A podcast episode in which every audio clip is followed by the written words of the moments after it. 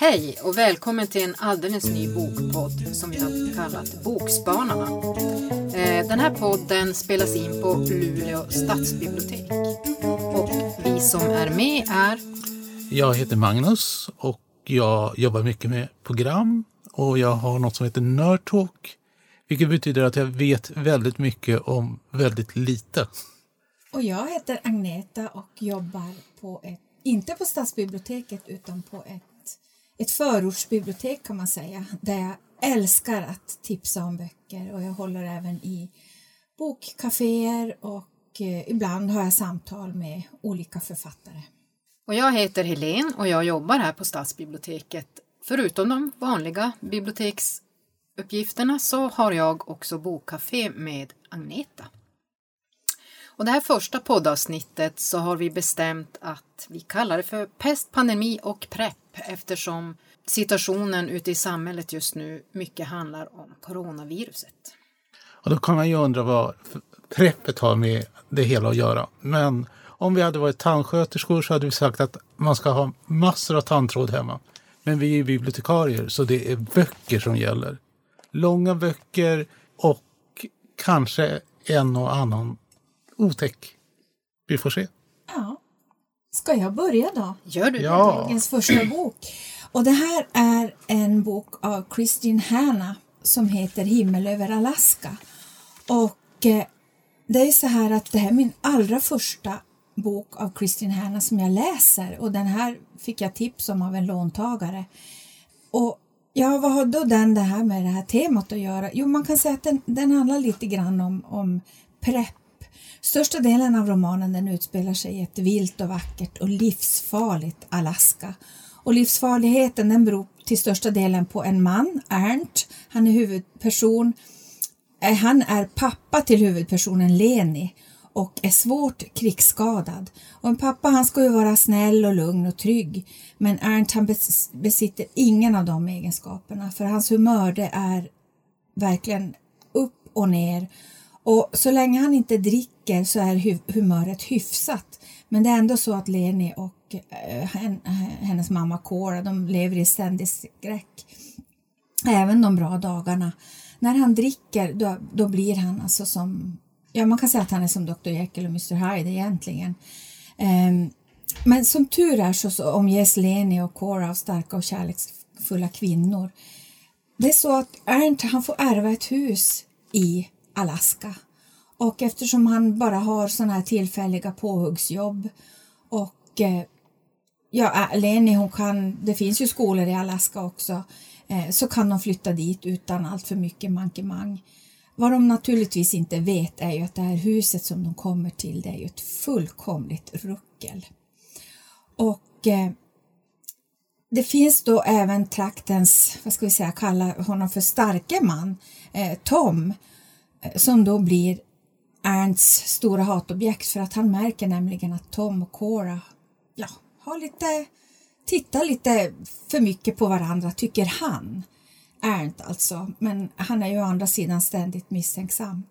Eh, och han har ju, Tom Walker han har ju lyckats i livet genom hårt arbete. Han har alltså inga ärvda pengar utan han har lyckats på egen hand. Och han är också pappa till Matthew, klasskompisen till, till Leni som blir, också blir hennes stora kärlek. Men det är ju så här att Alaska är precis som jag sa vilt, vackert och livsfarligt.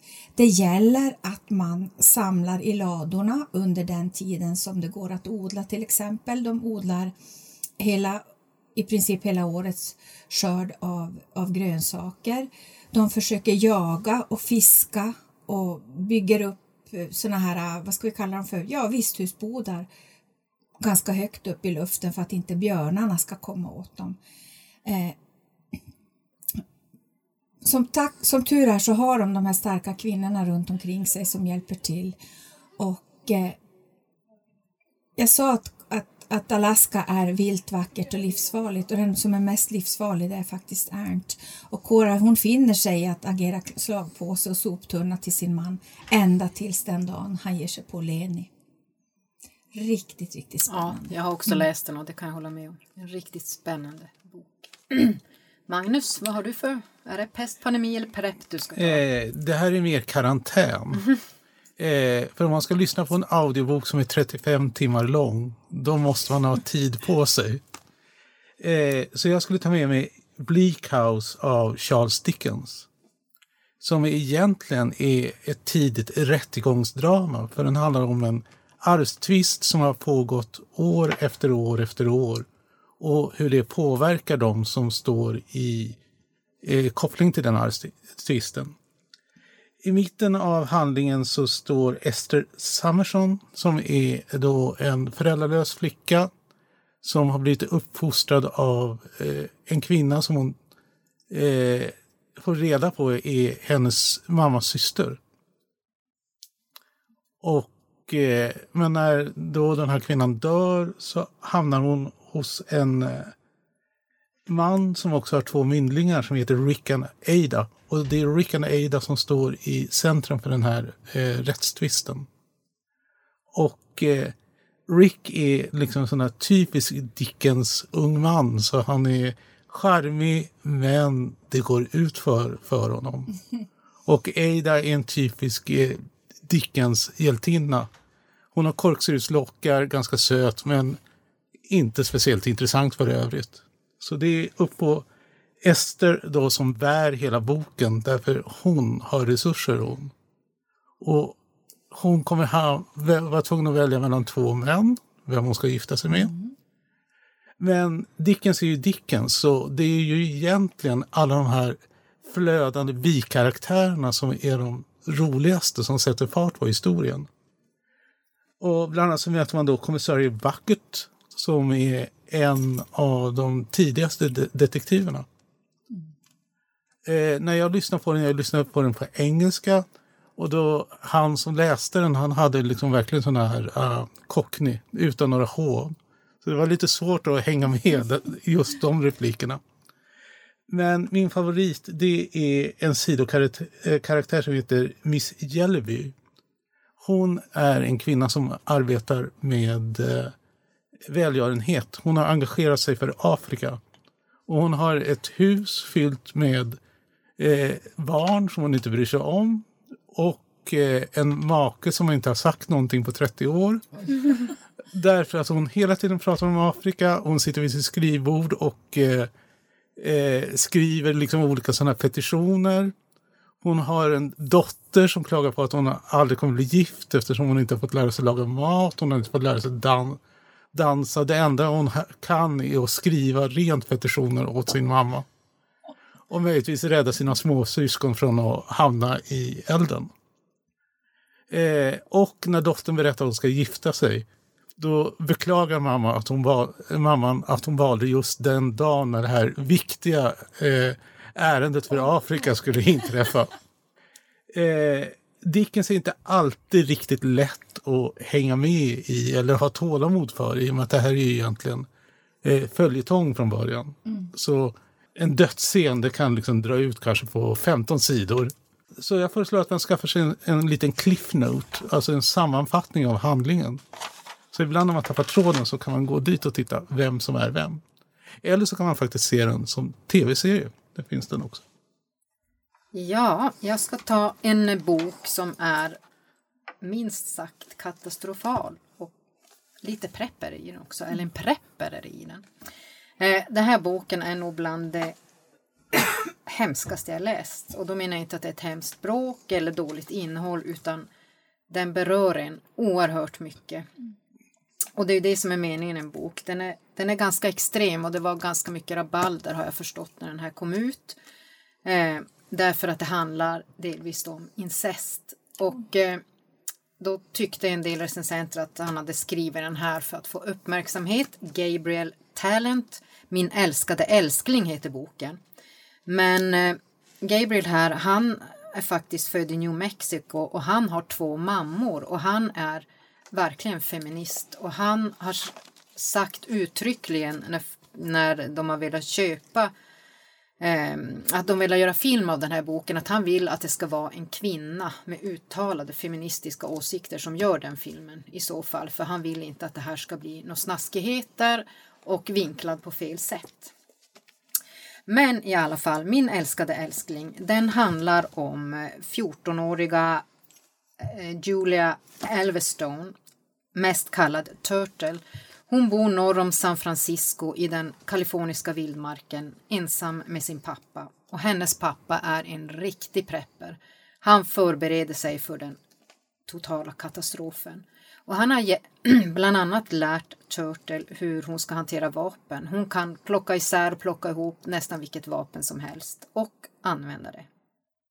Och det kan man ju tänka är bra, men Turtles pappa är inte någon toppenpappa därför att han är våldsam och han utnyttjar henne sexuellt. Men han älskar henne ändå på sitt sätt. Men Turtle mår ju inte så bra. Där hon mår bäst är faktiskt i skolan. Även om hon inte har så speciellt bra betyg. Och den är grym och den är ändå på något sätt, man kan inte sluta läsa den för det känns inte som att han snaskar i våldsamheterna på något sätt utan han berättar en historia om en utsatt tjej som är vilsen men ändå oerhört stark. Och en dag när hon är mitt ute i vildmarken så stöter hon på två unga pojkar som har gått bort sig och hon kan ju som sagt mycket om vildmarken och hjälper dem tillbaks till civilisationen och får där igenom en kompis av en av de här killarna. Så att det kanske inte, om man vill ha en sån här feel bok mm. i dessa karantäntider, då kanske inte just den man ska läsa men men om man vill ha någonting gripande då tycker jag man ska läsa den. För mm. den är mycket bra. Och Preppers har det ju kommit. Jag tänkte på den här boken mm, Westover. Ja, Vad allt jag, jag fick lära mig. Ja, för där är väl pappan också prepper. Ja, ja, han är ju väl, verkligen. Mm. Jag har tyvärr inte hunnit läsa den för det har varit väldigt lång kö på den.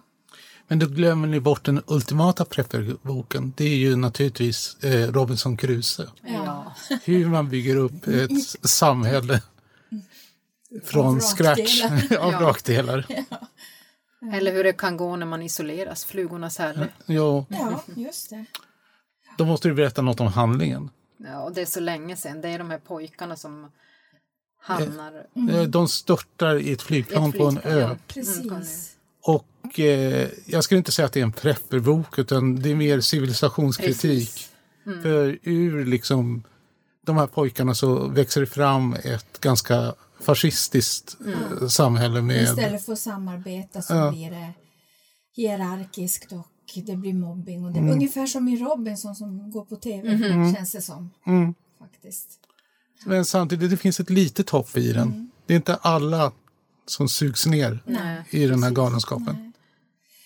Ja, men då tycker jag väl nästan att det får vara nog för pest, med pest och pandemi för den här gången. Känns det väl som. Så kanske vi har något trevligare ämne nästa gång. Mm. Eh, böckerna som vi har pratat om i det här avsnittet är Gabriel Talent, Min älskade älskling och Westover, Allt jag fått lära mig.